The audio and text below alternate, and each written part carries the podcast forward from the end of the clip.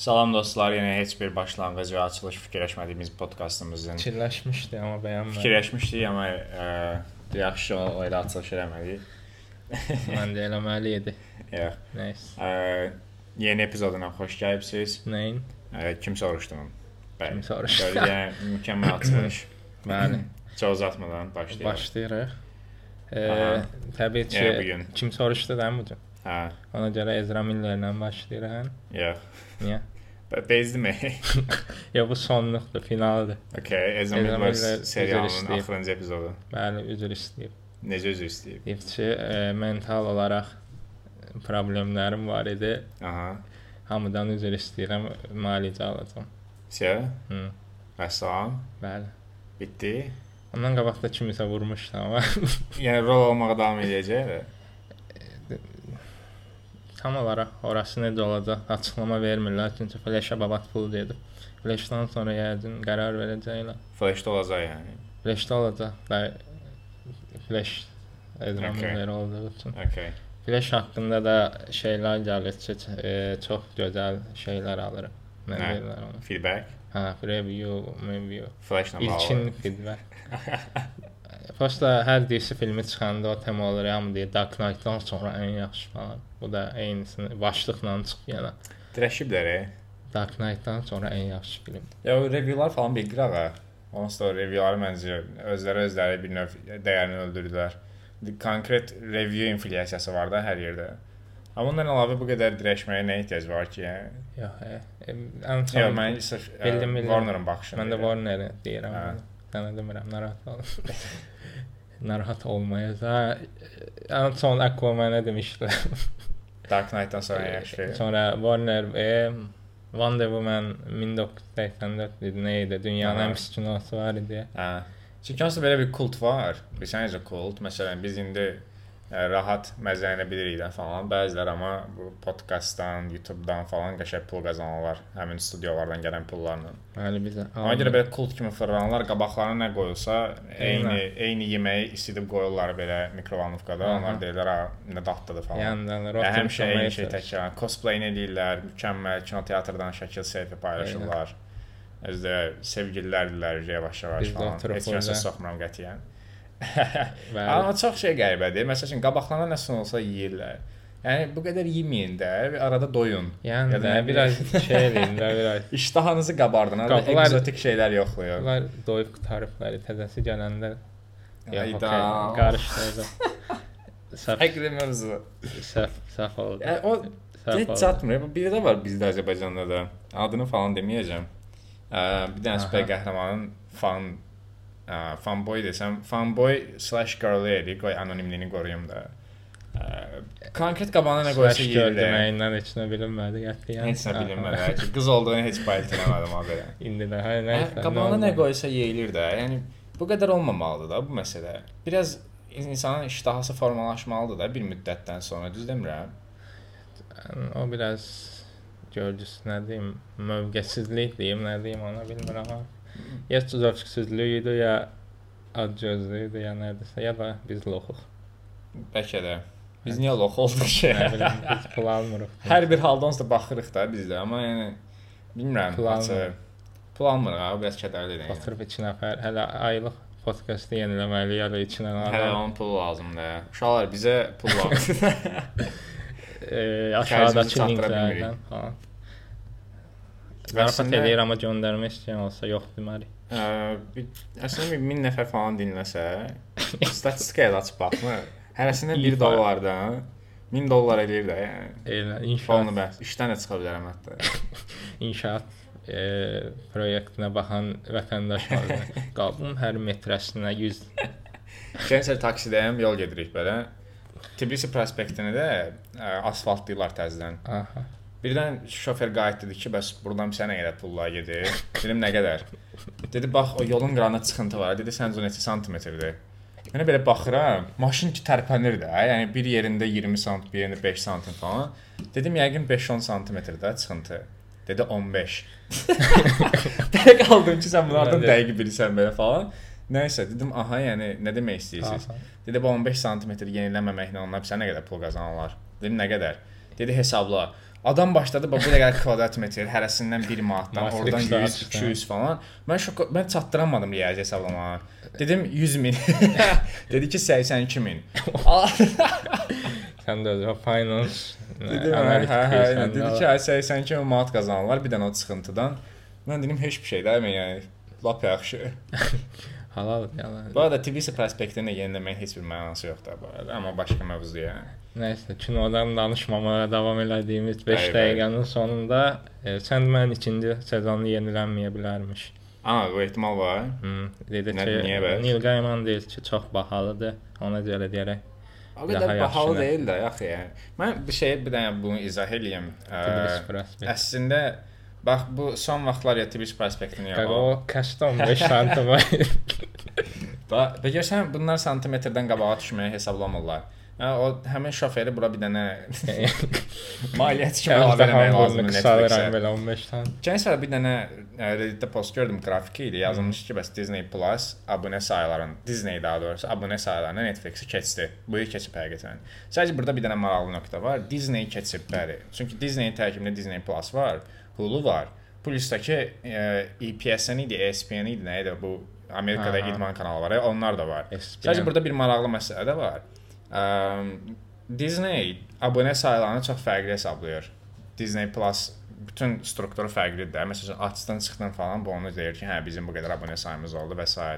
Və üstəgəl orada belə ritmik olur cycle-lar. Bir müddət ərzində abunə sayı çox olur, birdən azalır və s. Netflix-də kimdir? Üstəgəl Netflix sıfırdan yaranmış bir şeydir. Disney kimi milyardlarla investisiya ilə var, məsələyə. Ona görə məsəl bunu bir də bilsən nə edirəm əslində. Bütün deməyimin məqsədi odur ki, deyirlər ki, Netflix-in büdcəsi yoxdur buna verməyə. Yox.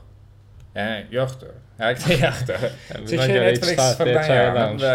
Hə, eynən. Netflix sıfırdan yaranıb, pulları var, əlbəttə var, yəni milyardları var. Məsələ o Adamlar deyil sadəcə. Scorsese-yə pul verən, bir dəfə pul verdilər deyə özlərinə gələnmirlər. Hə, eynən. Ona görə də onu çatdırma. Yəni nəticə itibarilə Netflix Disney deyil. Pul qurtarmaq demişdən e, DC-nin bildiyin Aquaman 2 ilə e, Shazam kinolarını şey elədilər, təxirə saldılar bir neçə Okay. ay. Okay. Mən də bir Reddit oxudum ki, bunu eləmə səbəbləri yayınlamağa pulları olmaması imiş.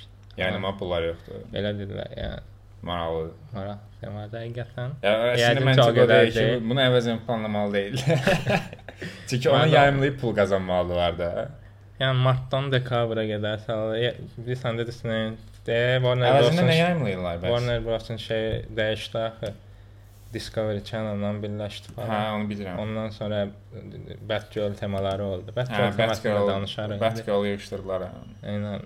İndi bunları da təxirə salırlar. Yəqin ki, onunla bağlıdır. Amma Shazamın treyleri falan da çıxmışdı. amma, 17 hə? martdadır Shazam. Gələn ilə qaldı yəqin. Okay.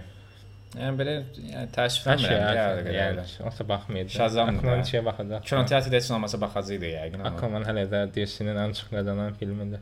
Ciddisən? Mhm. Nə qədər qazanıb? 1 milyarddan biraz. Oha. Çində babat pulu qalmışdı. Aquaman o qədər pul qazanır. Çinə Ha, görə. şeyə Çin- görə, məncə Johnny Deppin ə, Amber Heard-ə görə o. Yo, yo, birində onda elə. Amber var oradan olan şəkillərini görəndə istəyirəm açım mən də baxım. Okay. Aquaman birində şey John Depp temaları çıxmamışdı. Yəni. Bilirəm, bilirəm. Okay, Sadəcə- sən bildim nə demək istəyirsən. Əyən, Başa düşdüm. Çox iyrənc. Məncə Çinlilər e, su xoşlayırlar, bilmirəm. Dəniz falan. Başqa açıqlama tapamıram. Mən məsəl üçün hələ də başa düşə bilmirəm. Bu Avatarın bu 3D baxmaq söhbətindən başqa Avatar niyə qədər pul qazandı ki? Niyə Ha. hamı baxırdı ona? Açığı yadımdadır o zaman uşaq idim mən belə. Qohumlarım falan da. Qohumlarım falan belə televizora baxmağa 3D açıqlar zad almışdılar. Ha, Bir də həmin vaxtlar yadındadırsa, hə, heç vaxt işləmirdi. Yadındansa belə bir tendensiya vardı. 3D kanallar var idi. Eynən. Açırdın Eynən, qırmızı aç- göydə, açığını taxırdın, nəsə görürdün falan Eynən, güya. Mən görmürdüm. Şey olurdu, Space-də saat 12-dən sonra verirdilər. Space-də. Ha. Mən ayrıca kanallar Ayrı tapmışdım. kanalda ki. var idi. Space-də elə tema var idi, bir dənə kino verirdilər. 3D söhbəti yaxşı gördü. 3D söhbəti qədər mənasız şey yoxdur. Gedirsən kinoteatra, başladı, açıqını soxurlar gözünə, onun açıqın var, açıqın üstünə açıq 3D taxıram. üçün olan filmlər var bir dənə. Onlar pis olmur. Yəni də, yoxsa Marvel filmləri Yəni, məsələn, Kapitan Amerika qalxan atanda qalxan oradan çıxsın deyə Hə. açıqı taxmalıyıq. Niyə də? bir də hələ. Onsuz da böyük ekranda baxırıq da, yəni nə dəyişir ki? 3D çox Arada mən çıxardıram 3D filmləri daha zor olur. Qıraqları Bəzən falan mən də deyirəm. Hə. Var da dəqiqləşdirdim. Warner Bros bu il sadəcə 3 film yayınlayacaq büdcəyə sahibmiş. Onu da Oha. Don't Worry. Darling'lə Black Adam'a ayırıblar. Don't Worry Darling şeydir. Harry Styles-la Florence Pugh'un sevişdiyi film. Treyler ancaq Okey. ondan ibarətdir ona görə. Hətta Baxmamısan, nə edərsən? wow. Məncə sən onu başqa kateqoriyada baxmısan deyə. Harry Styles aktyor ne, neyse yeni fanatları yani parçalamasınlar ama ama ben geçen bir şey görmüştüm. Marvel nəsə pul kontraktları imzalayıb Harry Harry Styles'ın. Styles şeydə var idi, Eternals'ın after creditsində var idi. Mən onu Thanos'un qardaşı olacaq. Thanos'un qardaşıdır deyəsən. Hə, aha, hə, hə, yes. Və Niyə də?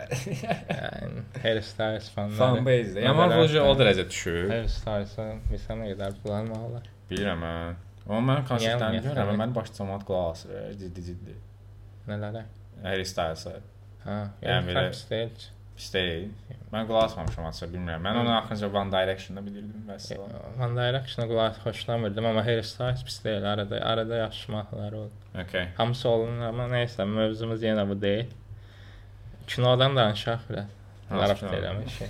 İblis bırax. Nəysə, Barbie Ferreira Euphoria-nın 3-cü sezonunda olmayacaq. Onun səbəbi var, niyəsə? Nə?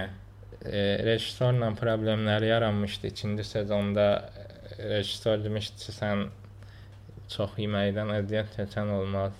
Nəsə elə bir tema var. Okay. Mən baxmamışam deyə bilmirəm. Var elə bir şey. Aktrisa da istəməyib, deyir ki, yox, mən elə rol oynayamaram falan.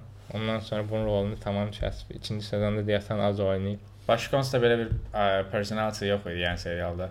Eynən. Onu tamam kəsb. İndi də yəqin ki, ayrılmaq qərarı. Ya, amma açıq mən onun sırf ayrıca Euphoria-da xarakter inkişaf var idi, ink- inkişaf xətti və onu bəyənirdim. xarakter. Bir yerdən sonra başlamışdı əslində uje ə, internetdə bədənini satmağa və s. amma ki ə, ümumi baxanda xoşuma gəldi və orada bir dənə oğlanla da əlaqəsi var idi. Ə, Euphoria-dan. O münasibətlərini və s. bəyənirdim. Sonradan onsuz da pozulmağa başlamışdı amma. Spoiler olmasın. Belə amma personajı pis deyildi məncə. O olmayan, onun olmamağı necə edəcəklər bilmirəm. Yəqin Birinci universitet falan girər. çox rolu var idi, ikidə öldürdülər falan deyirdilər. Hə, o okay. İki, bəlkə də ikinci sezondan ona görə o həmin o mən dediyim oğlanın əlaqəsi falan da zəifləyir. Ha. Çünki birinci sezonda yığdıqları kar- xarakter inkişafını ikinci, ikinci sezonda yıxırlar belə. Toksik münasibətə çevrilir əlaqələri falan belə qəribə bir şey olur da. Təəssüf eləyək. Mən Yəni çox verdimə deyil, amma yenə də. açıq mən də deyil. Amma Euphoria qəşəng, Euphoria baxıram da, yəni. Yəni Euphoria birinci sezonu yəni. həqiqətən çox yaxşı idi. Birinci sezon nə mənada yaxşı idi. Euphoria baxırdın gördün ki, aha, ə, məktəbdə, məktəbin son illərində oxuyan uşaqlar da hamısının müəyyən travmaları var. yaşaya bilmədiyimiz gənclik Bu-. E, yaşaya bilmədiyimiz deyə yox. Yəni mən şey olaraq, yəni hamısının bir ə, background var idi də, Ha, okey. arxa planı. Və bu arxa planı ikinci sezonda yıxıb sürüdülər və serialı çəhrayı seriala çevirdilər. Bu ondan sevgili, bu bundan sevgili, o orada ölür, bu dirilir və s. belə çox qəribə bir şey həqiqətən. çevrildi də. Dirilir deyəndə ə, Məcazi hə. Yəni bilsən, yox, e, ümumi serial özünə hörmət eləmədi də ikinci sezonda. Çünki birinci sezonda Wow. qurduqlarını yıxdılar və bir yerdən sonra hamı seriala sırf personajlar üçün baxırdı. Məsələn, mən sırf personajlar üçün baxırdım. Mən Zendaya üçün baxmırdım. Mən orada Maddie Aa, var. Maddie çox xoşuma gəlir. Ondan ötürü baxırdım. Hunter kimdir? Hunter Schafer da var orada. Hə, Hunter idi onun adı. Yox deyəsən, Şayfer dəqiqdir. Sıcı Heiferdir, hə. Mən Şayfer eləyəcəm çünki Yəni onun da məsələn personaj. Yəni belə də bayaq dediyim kimi sırf personaja Qəşəng baxırsan. personajları Aa, var. şey var idi Simpsons-da ə, bir dənə personaj var idi və məsəl üçün əsəbi personajdır, amma ki yaxşı yazılmış personajdır. Əsəbilik bunun əsas nöqtəsidir deyə bir yerdən sonra sırf əsəbi personaja çevirir. Ha, o Ona sitcomlarda nəsə falan. deyirlər də, hə, adı yadımdan çıxdı. Simpsons-dan Hə, bir dənə adını deyirlər, F-lə Ha, başlayan. bildim. Nəysə, burada da biraz aslında. oldu. Ücə personajlar çox hə, gözlənilən hərəkətlər edirlər. Məsələn, ofisin özündə. Kevin sonlara doğru da hə. təmiz poylamış. Əvvəlcədən bildiyim mühasib idi, sonradan Əvə əvə olmuşdu. Sonra Modern Family-də oldular. Modern Family-də də olmuşdu. Modern Family amma yaxşı bitirdi məncə. Tam belə Hə. dadında bitirdi, Aynen. ləzzətli. tam ölməmişdən qabaq hop Modern Family-ni tövsiyə edirik bu arada. Sitcomların adətən sonları falan yaxşı olmur və ümumiyyətlə bir yerdən sonra qırılma nöqtələri və s. də olur. Modern Family yəqin ki, yeganə serial idi ki, elə bir şey olmadı. Yeganə sitcomlardan idi ki. Son sezonu biraz qırıldı, amma qutardılar. Amma bitirdilər də faktiki. Qəşəng bitirdilər, əsas odur. Zövzlə emosional. Sitcomun yaxşı bitirmək önəmlidir. Orada mən bir dənə maraqlı bir şey oxudum bu yaxınlarda. Ə, uzun müddətli əslində bu House of Dragon-la da bağlıdır. Ondan da danışacağıq bu arada. Uzun müddətli serial layihələrində aktyorlar ə, bir yerdən sonra eyni rola davam etmək istəmirlər. Çünki daha çox pul qazanırlar və başqa yerlərdə daha çox Məşhur fürsətlər olurlar, və s. olur, eynən məşhur olur. Və əslində Seinfeld də buna görə dayanır məsələn. Axırda 2 dənə yaxın ə, ən bə- məşhur personajların aktyorları Seinfeld-ə gəlib deyirlər ki, vəssalamda bezdik. Bu deyir ki, okey. Hətta buna ə, Lannister effekti yazmışdı bir dənə adam. Məsəl üçün Jim, Jimmy Lannister var idi Game of Thrones-da. Birinci, ikinci sezonda Shrek-in ağ versiyasıymış kimi belə sarı saçları var idi. Də. Shrek-in insan versiyası var idi axı. Sap sarı olurdu saçları. Bir yerdən sonra saçların necə qarası çıxmağa başladı. Eyni şey məsələn The Boys-da Homelanderdə də var. Ona görə deyirlər ki, aktyor bezir, qayıdır deyir ki, saçım pis günə düşür də, bəsdir. Nə qədər kaska vurmaq olar. Ha, Henry Cavill Henry Cavill, eynən. Və ona görə də aktyor və aktyorun da getmə riski var axı onu dözməmək üçün. Ona görə production icazə verir ki, yaxşı da saçını bu səfər çox rəngləməyin. Yəni Boys-da onu ona görə deyirdilər ki, bəlkə ə, Homelander bir yerdən sonra atasına oxşayar, saçı falan qaralarda, çünki Anthony Starrın saçı onsa qaradır da. Amma məncə sırf əsas səbəbi odur ki, saçları pis günə düşməsin, çünki o klassikalar həqiqətən pis günə qoyur. yəni məntiqlidir onlar üçün də. Hı. 2023-cü ildə biraz bəzi şeyləri yola getmək olar. Təsəvvür et, sən aktyorsan, 20 illik proyektə giribsən belə. yadıma düşdü. Jonathan Ackles var idi. E, Soldier Boy. Hə. O girmək üçün çoxlu bədən yığıb falan. Bütün gün məşq eləyib. Gəlib setə Homelander oyun Anthony Starrett nə edirdin? Yaşıl effekt nə eləyərdilər də. Depressiya. Deyəsən bunu bir dəfə də bu podkastda danışmışdım. Ya podkastda danışmışsan, ya ayrıca amma bilirdim bunu. Aynen. Gülmüşdü bana. Danışmışam da mən ona təzədən qulaq asın, yenə gülün. Başqa çıxan seriallar, ha, Better Call Saul finallarda axır. Okay. Axırcı deyəndə. Fikirlərini bölüş. Breaking Bad. Universe qurtarmış oldu rəsmi olaraq. Mhm. Mükəmməl idi, mən çox bəyəndim. Better Call Saul yoxsa Breaking Bad? Sən Better Call Saul'un yaxşı olma səbəbi Breaking Bad'in qurduğu arxa plandır. Ona görə müqayisə eləyə bilmərəm mən. Okay. Breaking Bad olmasa Better Call Saul yaxşı olmazdı. Yəni bu aydındır da. Mən sənin şəxsi zövqünü soruşuram. ayrı desəm, Beck- Better Call Saul serialının ki daha təcrübəlidir, daha şeydir, daha oturuşmuş bir şeylər var idi Bad. Better Call Saul məncə çox şey öyrətməlidir indiki serial yazarlarına və s. Çünki məncə Better Call Saul hal-hazırda televiziyada yayımlanırdı, ən birinci AMC-də AMC yayımlanırdı. Əm, bu konkret örnək olmalıdır ki, televiziya serialı necə olmalıdır. Çünki bəzi televiziya serialları var ki, həqiqətən çox yaxşıdırlar.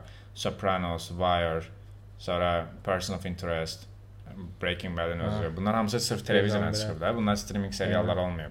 Və həqiqətən Mad Men Bunlar çox Evet. yaxşıdırlar və eyni televiziya standartını biz hardasa itirdik məncə streaminqlərdə. Eynən. Streaminqlərdə nəsə o Hamısını ucuzluq eyni və sair anda çox hiss olunur. hmm, binge watch temalarından sonra da ola Hə, bilər. binge watching məsələsindən Eyvah. sonra.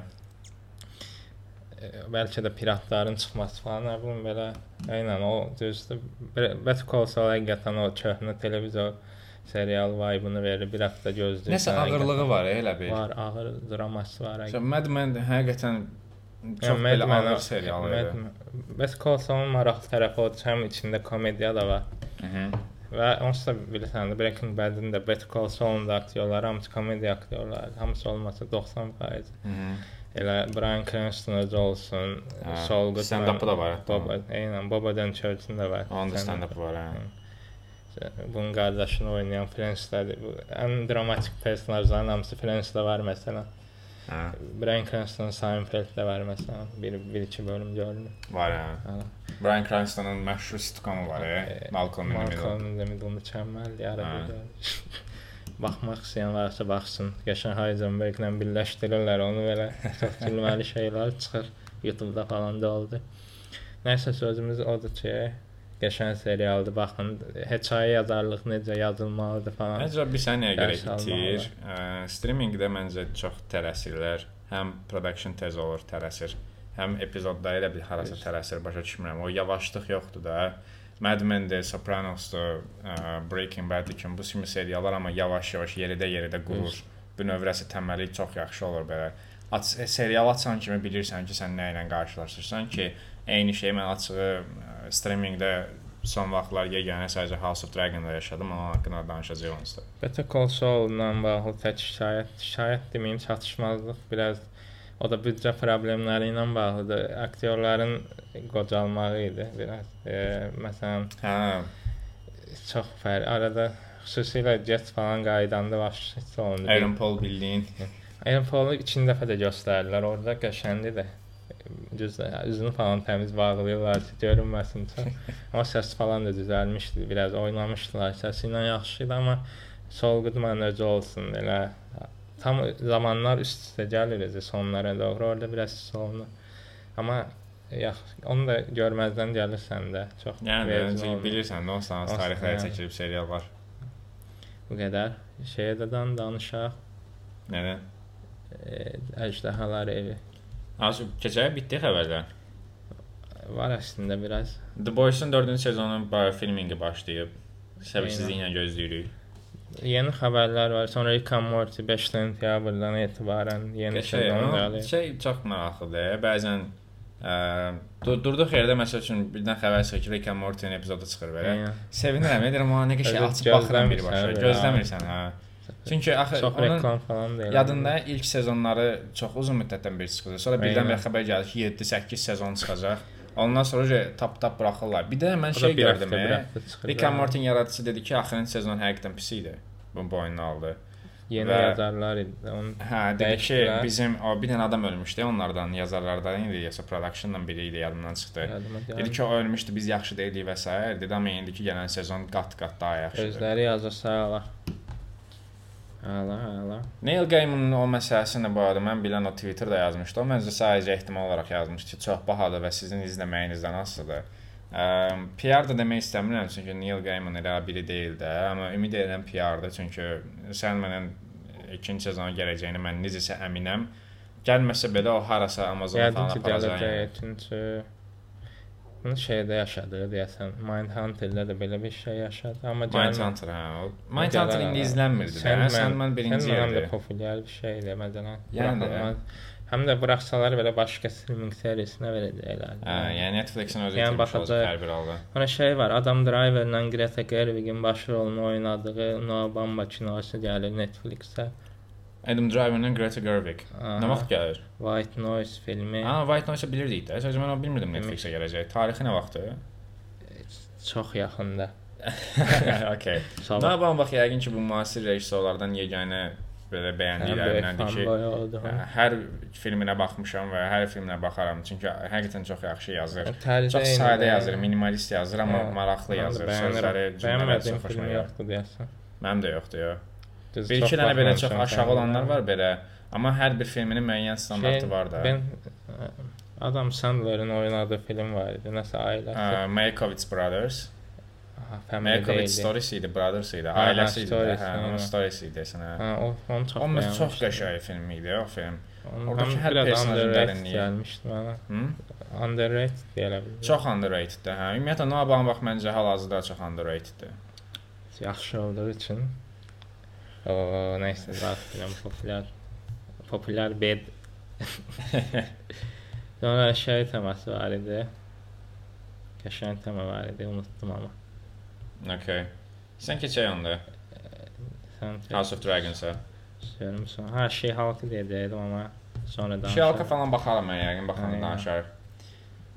Aslında House of Dragon ə, mən də minimal gözlənti ilə girmişdim. Amma yenə başlayan Bu arada kimi bir dənə başlamamışdım. İndi mən mən də baxdım amma e, Game of Thrones hələ də baxmamışam. Onu da Hə, gəldim. bu maraqlı perspektiv var. Məsələn, Eşan baxmayıb, mən baxmışam. İkimiz yerdə baxırıq. Yəqin ki, hər həftə də danışacağıq haqqında. E, Ona görə Game of Thrones fanları həyatdakı o əvvəllər belə həvəslə hamı Game of Thrones izləyirdi hər yerdə. Hə. Həmin tayfa rahatlıqla bizi davamlı olaraq izləyə bilər çünki hər amma müzakirə edəcəyik. xahiş edirəm. Necə hələ də baxmamısan yazmayın. Öldürməyin, eynən biz dəhşətli belə Game of Thrones geeki deyilik, qıraqdan Hə. baxan insanları. Açıq mən bir ara elə idim, sonra prosto dünyaya nifrət elədim axırıncı sezondan sonra depressiyaya düşdüm, özümü öldürmək istədim. Şey var bir də siz üçün görməzdən gəlməyə çalışdım amma bir də şey var siz üçün adminsiz necə falan şey izləməm üçün istəməzsə çox gəlirsən. Hə. Ya açığı son vaxtda gəlmir. Çünki heç kim soruşmur. Çünki heç kim soruşmur, yəni açıq soruşmur. Amma arada gəlirəm. Amma gələndə gəlir hə belə ki, sən kaynan adminsən. Bir də bu ad məsələsi mənə çox sıxır. Hamı adı Kino. səhv deyir. Kino, kinos. King. Niyə, King hə? Bilirsiniz nə oldu? Biz Sevil Film Festivalına əməkdaşlıq edirik. Bu arada onlardan da podkastımız olacaq. Səbirsizlə gözləyirik, müəyyən problemlərə görə edə bilmədik. Və bu indi açılış mərasimində biz səbirsizliklə gözləyirik ki, özümüzün qurduğu komandadır. Əməkdaşlıq edirik ilk dəfə bir festivaldan və həqiqətən çalışmışıq və s. Oradayıq, tam iştirak edirik və həvəslə adımızın çəkiləcəyini gözləyirik belə. Bəcimiz falan da var, taxmışıq. Bəclər, oturmuşuq. akkreditasiyalar, yəni literally belə ə, fanboy kimi 70 yarada belə Yeah. balaca uşaqlar kimi. Comic Con-a gedən. Yes. Prosta elə bir ki, bizə orada adları sayanda arada bir dənə King dedilər belə. Və adlar bitəndə biz belə qaldıq ki, Kaynan eşitmədik. Eşən dedi hətta. Mən dedim ki, eşitdik, sadəcə King dedilər. Mən normalda King-i heç dəfə eşidirib vardı. Kino, kino, kino. King Kino. ilk interpretasiya idi və Kinonu daha çox eşitmişik. Kino. Yəni kino Kino yəni normal. okeydir də, kino da oxuyur. Da. King çox fərqli idi, King. King həqiqətən bütün Və çox kədərləndi. Orada belə bilirsiniz elə bir Comic Con-a gedibsiz. Orada ə, nə bilim Anakin Skywalker oturub Hayden Christensen imzalayırsınız, gedirsiniz sizə söyür də belə yəni. Deyir ki, bəs dur get də burdan falan deyir və siz deyirsiniz hü. Eyni yaşadıq orada. e, İki dənə grown up people. ölüm yatağında olan babanız sizi çağıranda adınızı səhv deməsi kimi.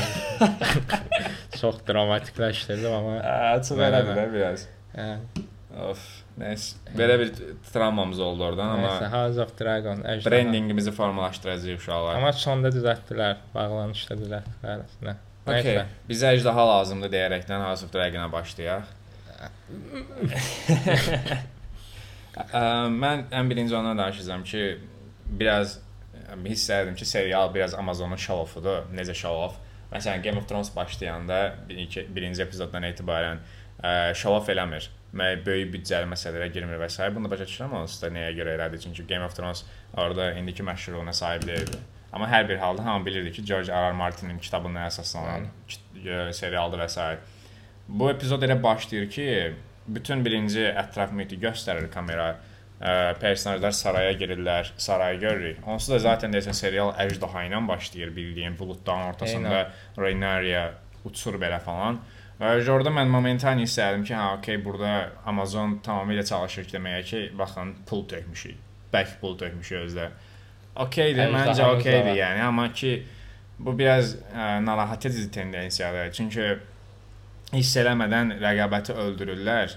Gərək sən artıq minimal büdcə ilə elə şeylər yaradasan ki, buludların üzərində uçan əjdahadan daha maraqlı bir şey olsun. Amma məncə onun əsas rəqib elədiyi bu dəqiqə Lord of the Rings teması da o da eyni Onun özü də əslində belə baxanda, amma mən bir dəqiqə H- səhv sayıram. Hə, HBO ilə, hə, HBO olsun, sorry. Ə, Amazon tərəfdə ikisini Hə. qarışdırdım bir anda.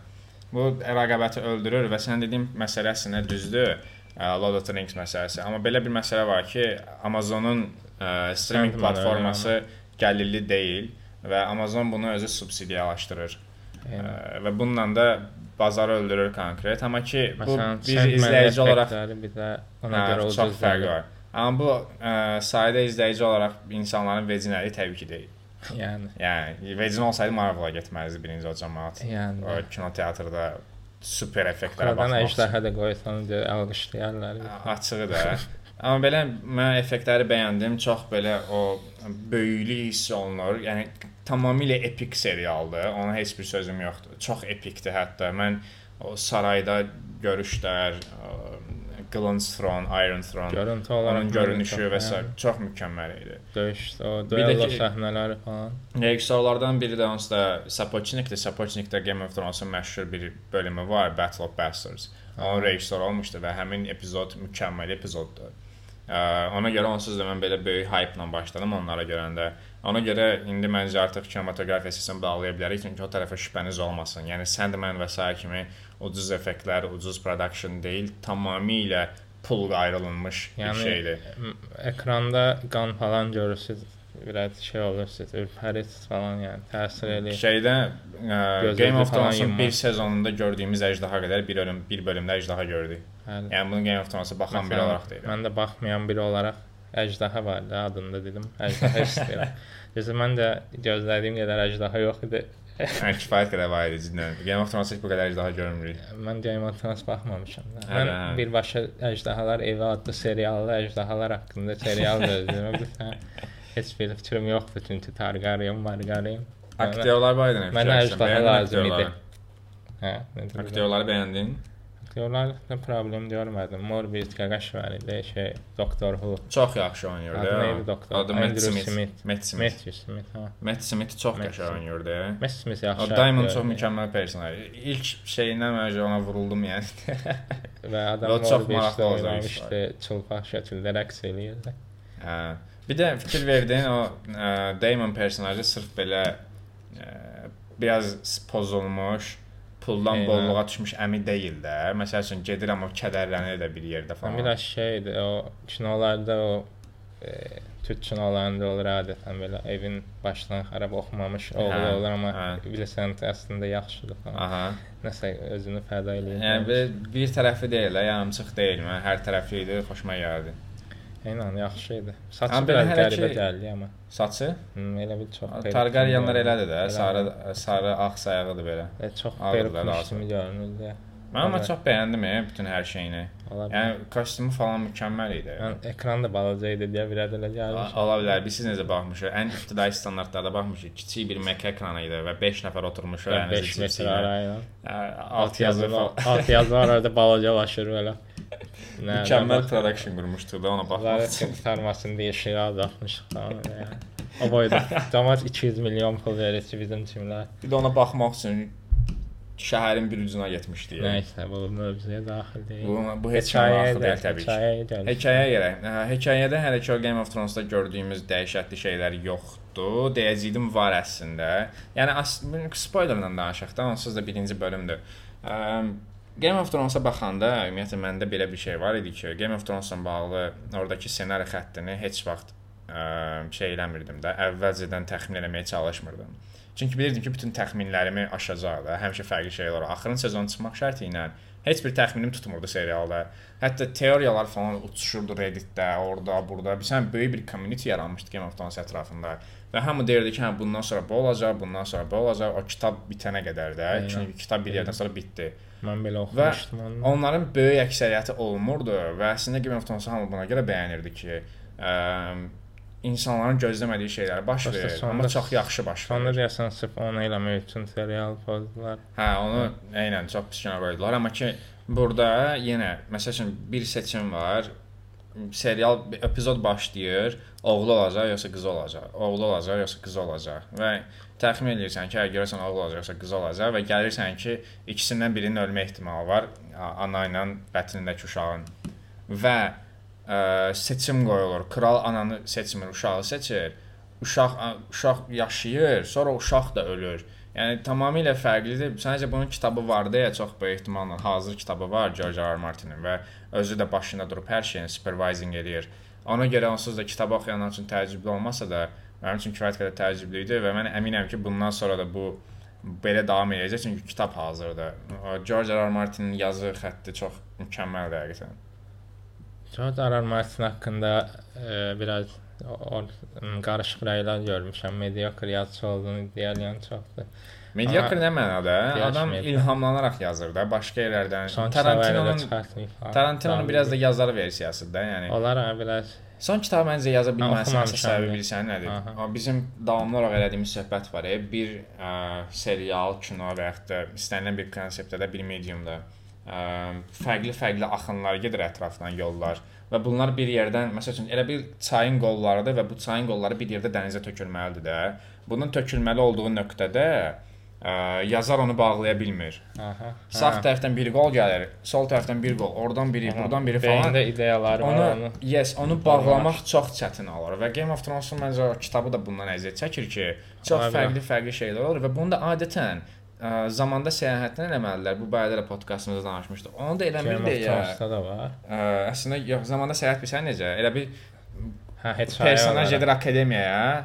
Hə, O birisi sezona görürsən ki, akademiyadan çıxır. Hə, okey. Belə də, yəni Hə. tulluyur da elə bir qabağa. Keçmişə gedib nəyisə dəyişdirəlim yenə ara gəlir. Ya elə ya, yəni bir qabağa Okey. tulluyur və bu çox yerdə var da. Bunu həmişə görürük. Okey, hamısı. normaldır. Normaldır da. İndi bu elə eləmir də. Bu oturur akademiyada yazır. Yazma da, Hə, la keç.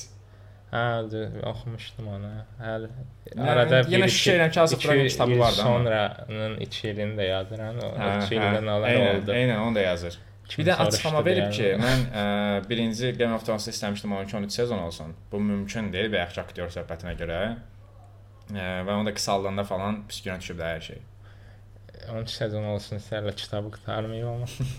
Nəysə sən. Şey necə bəyəndin? Döyüş səhnələri necə səncə? Döyüş səhnələri mükəmməl idi. Şey xatırlatdı sənə Ridley Scott'un filmi var idi.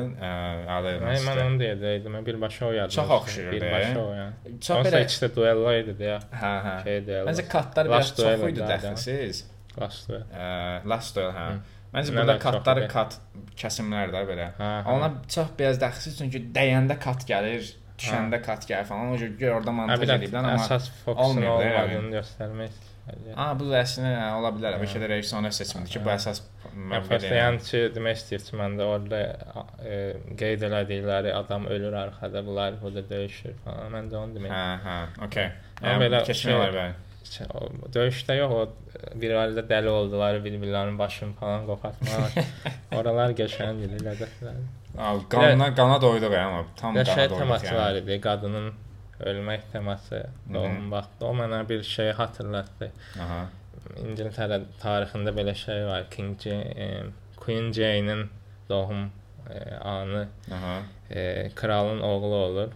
Oğlu olur da, yəni də hamilədir Queen Jane. Aha. Doğum sancıları başlayır. Mahnısı da var məşhur Death of Queen Jane. Mhm.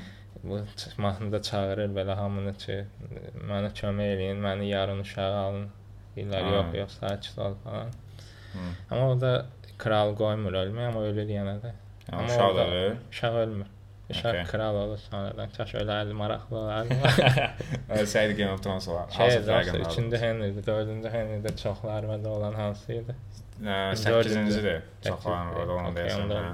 Bilmirəm. Olmalı. Nəysə Henry-lərdən biri idi option. Queen Okey. Jane Bu məşhur. informasiya üçün çox sağ ol. Baxmaq istəyən varsa. Tam səmimi deyirəm bu arada. 8-ci əngədir bəli. The Queen Jane şeydən bilirəm bunu. Inside of Llewyn Davis'də bu mahnı var. Sonra mahnıya görə araşdırmışdım. Aa. İstəyən olsa qulaq as sadəcə Death of Queen Jane. Məncə onsuz da burada çox belə ha, medieval məsələlər var. Var, e. yəqin ki, araşdırma eləyib. Saray məsələləri çox qəribədir. Belə düşünərsən ki, yəqin ki, kraldır, şahdır, padşahdır, öz kəfində yaşayır falan sarayda. Amma heç elə olmadığını, hə biraz yaşayır təbii ki, amma ki Yəni, mən orada məsəl üçün normal Partidən bir partiya yaşayırdı elə. Hə də mən məsəl üçün feodal lord olmağı seçərdim, nəinki elə bir şey də. Möhtəşəm yüzyıllar kimi deyirlər. Bütün Deyil. Süleyman bütün gün sarayda Açıq əylədi. orada da yaxşı olmurdu. Axı bu yaxınlarda finalına onu təzədən bir də baxdı. Oha. O da Səfəvilər falan deyir finalda. Yox, şey olur. Ə, onun bir dənə finalda çadıra getmək hissəsi var, e. Çadır idi, nə idi? Harasa gedir belə. Ə, Trona gedir də. Tronda Tron. Tac. Əli çöldə qalır ki, bəs mən. Süleyman bu qədər pulum var, indi heç nəsiz gedirəm zatsız. Bir də onun uşaqları ölür, öldürür. Mustafanı falan. səhnəsi. Literally bu dəqiqə məhəllə arvadlarına çevirdi. Mustafa öləndə Türkiyədə Süleymanın etiraz aksiyası ya yaşanmışdı Ha, bilirsən. onun Cəmaət yadındadır. yassat saxlayırdı. Ha, Yası boş ver. Adamlar şey çıxıb Süleymana istefa tələb edirdilər. yəni belə oğlunu öldürdü şərəfsiz. ya. Çakır öləndə bir də Çakır olmuşdu. önündə yas eləmişdilər. Amma Hə, burada eyni birbaşa söhbətdir mitinq də. eləmişdilər. Qoca-qoca xalalar Mustafaya ədalət. Mən bir dənə kralı bəyənmədim serialda House of Dragon-da. Çox belə Kral. Prosta o Viserys Bethel. də, kral. Yəni, o hiss olunur ki, o 1-2 epizoda öləcək də, yəni o çox hiss olunur. E.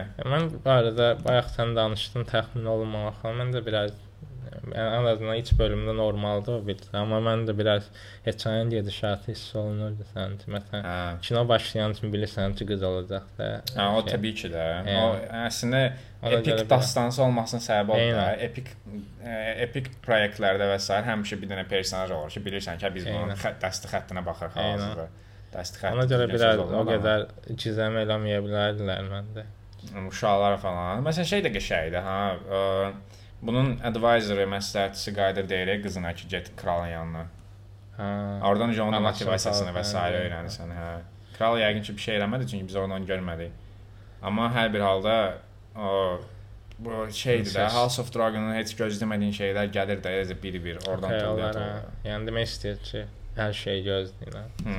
Hər cür incest, hər cür pedofiliya və s. Yes. Lut qəvmidir də belə. Bəli. Okay, yəni söhbəti çox pis pedofiliya ilə bağladıq. Ümumi ona görə mən məsələni dəyişib 40 deyəcəm ki, gözlədi ya pedofiliya üçün. o da Hər- 15, o da ilk çıxışda eləmişdi. 2 hər dəqiqə kim eləmişdi. soruşdu, ə, epizodunda söhbət gəlir hardasa pedofiliyaya, incestə. Bəli, hamısına qarşı Belə şeylər edirsən, sonra heç kim bilinən əməkdaşlıq edib pul vermir, görsən? Qarşı bə- əlbəttə, pedofiliyaya qarşı olduğumuz üçün pul vermirlərsə mən pul almaram. A, bir də bundan danışaq. Qaradərili Targaryen var idi orada. Ona qarşı backlash olub nəsə. Təbii ki. Məncə bu da bir şey olub. təbii ki olub. Yəni Mütləq hə. mən görən Targaryen olmasaydı. Gözümün qabağına tweetlər gəldi. Bizim nə istəyirsən dedim. Orta yazar belə yazmayıb. Necə dedin öz Afrika. Bəs belə. Qaradır da neyin Amma həqiqətən kitabda ağdı bu arada. Olsun da indi yaşıl olsa deyə nəsə dəyişəcəkdi. Mavi və məcburuq. Nə bilim. Yaxşı. Yalan ola da bilərdi. Gay var Game of Thrones-da bilmirəm. Aa, hə, incest var, gay yoxdur səncə? Təbii ki Ses var. gay var bəs. Ayda mən çox pis analogiya elədim ha bu arada.